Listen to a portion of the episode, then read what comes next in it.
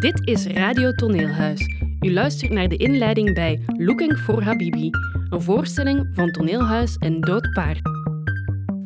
Lelies ruiken naar jouw zweet, dacht ik. Wat is dat? Een gevoel?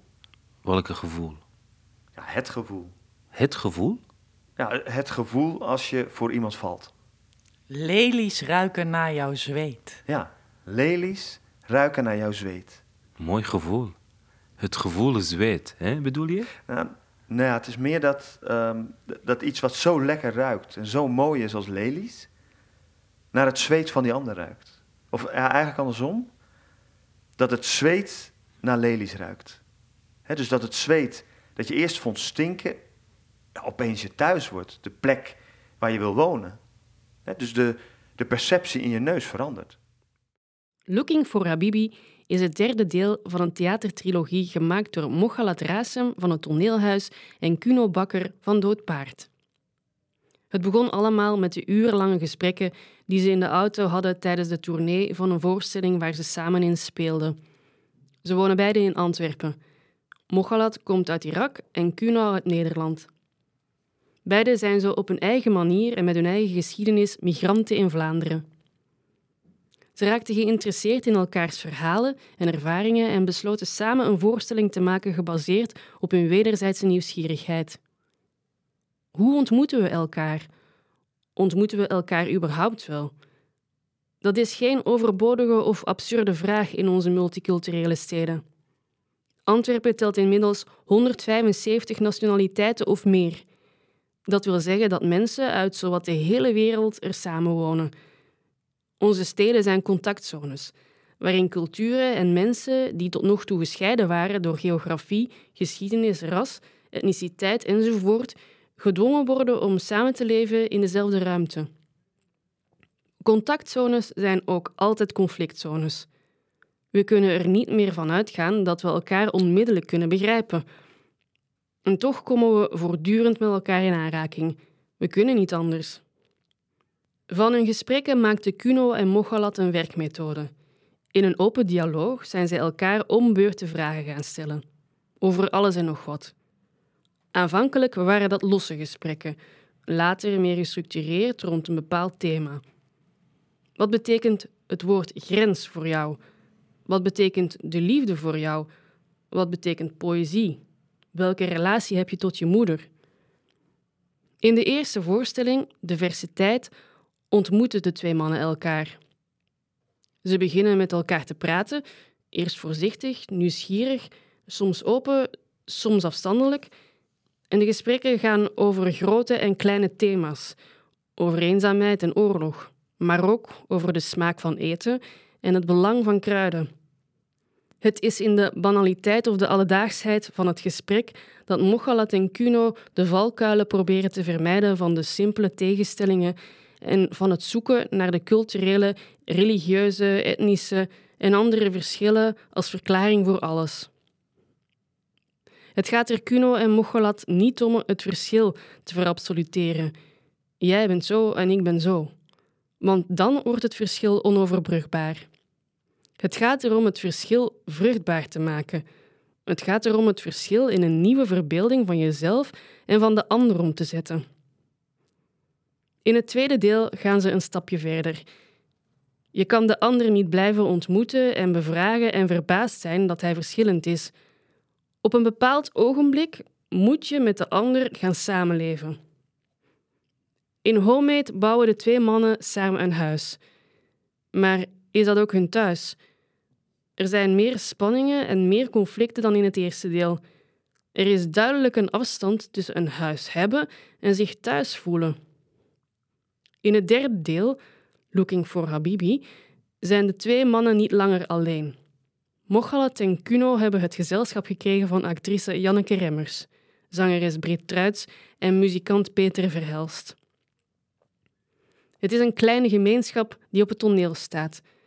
Ze concentreren zich op de liefde, al pratend, discussiërend, vertellend, zingend, muzicerend, benaderen ze de liefde vanuit verschillende hoeken. Soms poëtisch, soms romantisch en soms ook gewoontjes. Want er is veel waarop de liefde zich kan richten. die hele bijzondere, unieke persoon, een pasgeboren kind, op de aarde, op het land waar je geboren bent, de stoel waarop je vader altijd zat, de geur van rozemarijn, het wapen waarmee je je vijand doodt. Janneke, Kuno en Mocha laat praten. En als er niet genoeg woorden meer zijn, dan is er steeds de zang van Brit en het gitaarspel van Peter. Een voorstelling als een jam-sessie.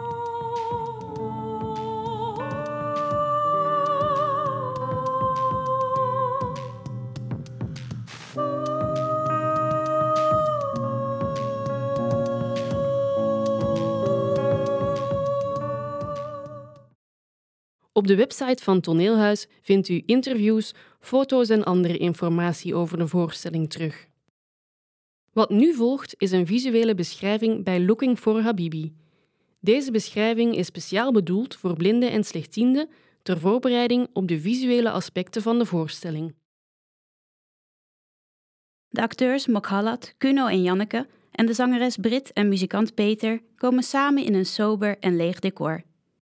Het decor staat opgesteld in het midden van het podium met centraal vooraan een lichthellend rond vlak. Het ronde vlak heeft een diameter van 5 meter. Op en net achter het speelveld staan in totaal vijf simpele stoelen in verschillende houttinten en een houten kruk die Peter onder andere gebruikt om zijn bladmuziek op te leggen. Vlak voor de stoelen staan twee microfoons op lage staanders, die zijn afgesteld op de juiste hoogte voor de zittende muzikanten. Verder hangt er links boven het ronde vlak een grote wolk van verfrommeld zilverpapier. De wolk is zo'n drie meter breed en kan door middel van de twee dunne draadjes waar ze aan hangt een stukje zakken en stijgen. Daarnaast zorgt de verlichting ervoor dat de wolk doorheen het stuk verschillende tinten rood, blauw en groen krijgt. De kleuren sluiten perfect aan bij de dialogen en de muziek. In de liefde is niet altijd alles zoals het lijkt en dat geldt zeker ook voor het decor. Het licht rellende ronde vlak blijkt namelijk eigenlijk uit twaalf spieren te bestaan die met de smalle kant in een rond middenstuk klikken. En net zoals de liefde wel eens uit elkaar kan vallen, komen deze spieren op het einde los en vormen ze een rechtopstaand landschap van rotsblokken waar de artiesten voorzichtig tussendoor laveren.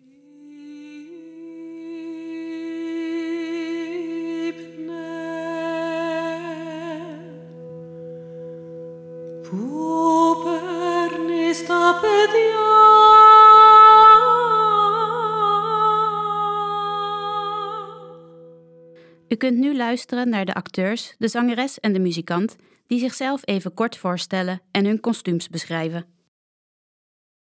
Mijn naam is Mughaled Rasim. Uh, ik speel Dimis. Ik draag een kostuum. Groene licht. Een hemd, zwarte hemd met een cactus. Uh, zonder schoenen, plotte, uh, plotte voeten. En daarna krijg ik die jasje of die vest van uh. Dat is een witte vest. Mijn naam is Kuno Bakker. Ik word in de voorstelling John genoemd. Ik draag een pak ook, kostuum. Een vrij strak uh, donkerblauw pak van een soort spijkerstofachtig. En chino, denk ik.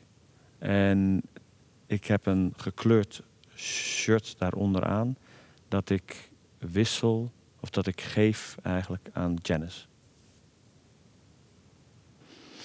Ik ben uh, Janneke Remmers, of dat is mijn naam.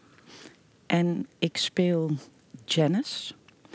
En ik draag een wit kostuum, geen schoenen en een doorzichtige bruine blouse eronder. En ik krijg van andere mensen kleren. Ik krijg het groene jasje van Demis.